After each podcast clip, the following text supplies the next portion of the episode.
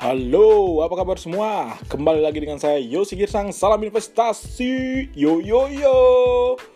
Baik, kali ini kita akan kembali membahas tentang emiten atau perusahaan, namun lebih kepada update. Karena apa? Karena sudah masuk bulan 2, jadi laporan keuangan perusahaan yang sebelumnya di podcast saya sebelumnya itu membahas menggunakan data sampai kuartal ketiga 2019 atau Q3 ya sampai September 2019. Nah, kali ini datanya sudah beberapa perusahaan merilis full year yang sudah setahun dari Januari sampai Desember 2019. Sehingga saya update dulu yang sudah pernah saya bahas sebelumnya yaitu tentang perusahaan PT Industri Jamu dan Farmasi Sido Muncul Tbk atau dengan kode SIDO. Ya, Nah, karena sudah dirilis, seperti yang kita ketahui, perusahaan herbal ini sudah berdiri tahun 51. Dan dia masih konsisten memanjakan investor karena sejak melantai di bursa di 2013, ya, perusahaan ini terus mencetak laba bersih yang bertumbuh. Ya. Pendapatannya bertumbuh, apalagi laba bersihnya. Ya, mungkin masih tahu produk andalannya ada herbal suplemen tolak angin. Orang pintar minum tolak angin katanya sama ada energy drink kuku bima. Ya, kalau kita lihat dari 2013 semenjak dia melantai di bursa sampai 2019 kurang lebih 6 tahun, kenaikan laba bersih dari Sido itu dari 400 miliar naik dua kali lipat menjadi 807 miliar. Luar biasa. Jadi naik sudah dua kali lipat. Dan bahkan bahkan nih dari 2018 kemarin atau 2018 yang lalu ya ke 2019 itu naiknya 21,7 persen. Jadi masih cukup tinggi. Oke, masih sama seperti tahun-tahun sebelumnya, Sido muncul ini juga memiliki utang yang tergolong kecil. Contohnya di 2019 utangnya hanya 18 miliar rupiah dengan ekuitas modal bersih perusahaan sekitar 3 triliun. Artinya debt to equity ratio atau DER itu hanya 0,006 kali nyaris nol. Yang mana biasanya parameter yang kita gunakan DER itu maksimal sekitar 0,5 kali. Artinya, manajemen sangat care dengan utang perusahaan dan ini perusahaan sehat, salah satunya dari parameter ini. Lalu apakah perusahaan ini efisien? Kalau mau lihat efisien, ada dua, return on equity sama net profit margin atau NPM. Jadi gambaran singkat juga, kalau yang baru mendengarkan podcast saya, return on equity itu digunakan untuk mengukur kemampuan perusahaan dalam menghasilkan laba dari investasi si pemegang saham. Jadi rumusnya adalah laba bersih dibagi dengan ekuitas, karena ekuitas itu dimiliki oleh investor atau pemegang saham. Sedangkan net profit margin atau NPM itu digunakan untuk mengukur seberapa efisien manajemen itu seberapa efisien manajemen perusahaan itu mengelola pengeluaran.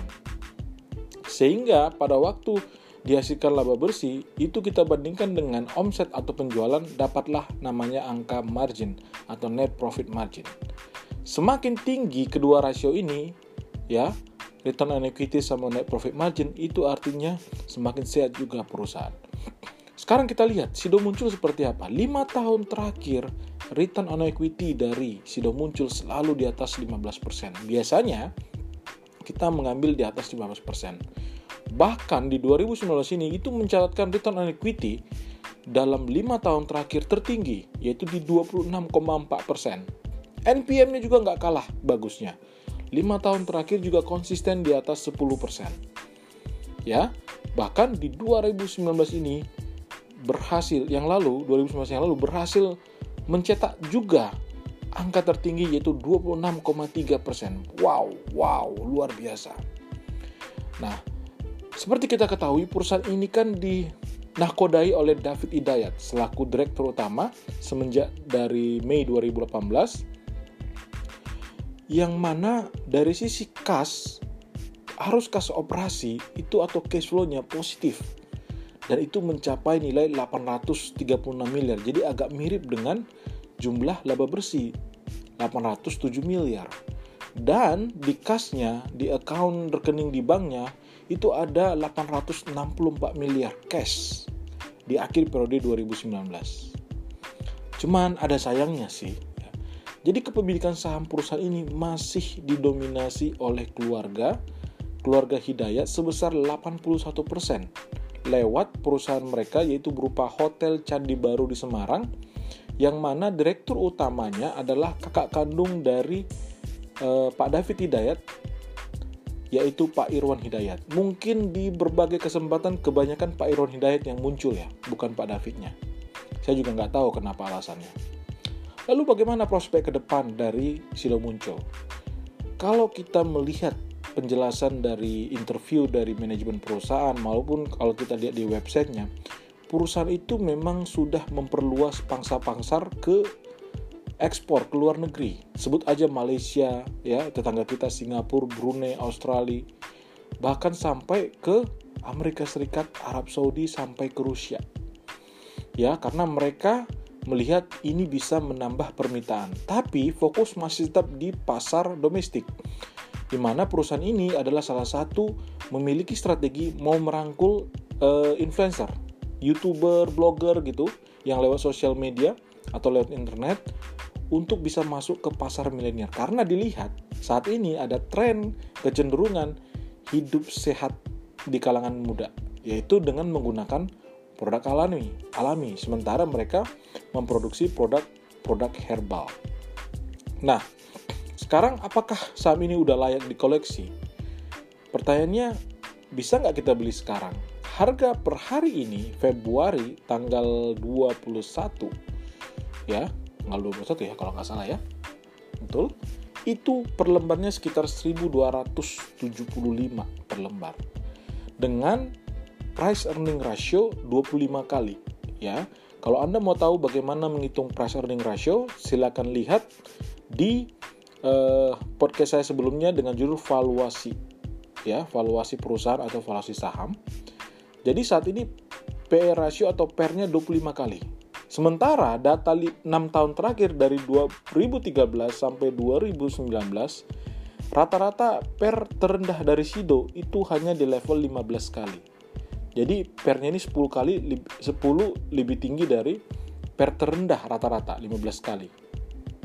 Kalau kita konversikan dengan EPS saat ini, maka bisa dibilang bahwa kemahalan.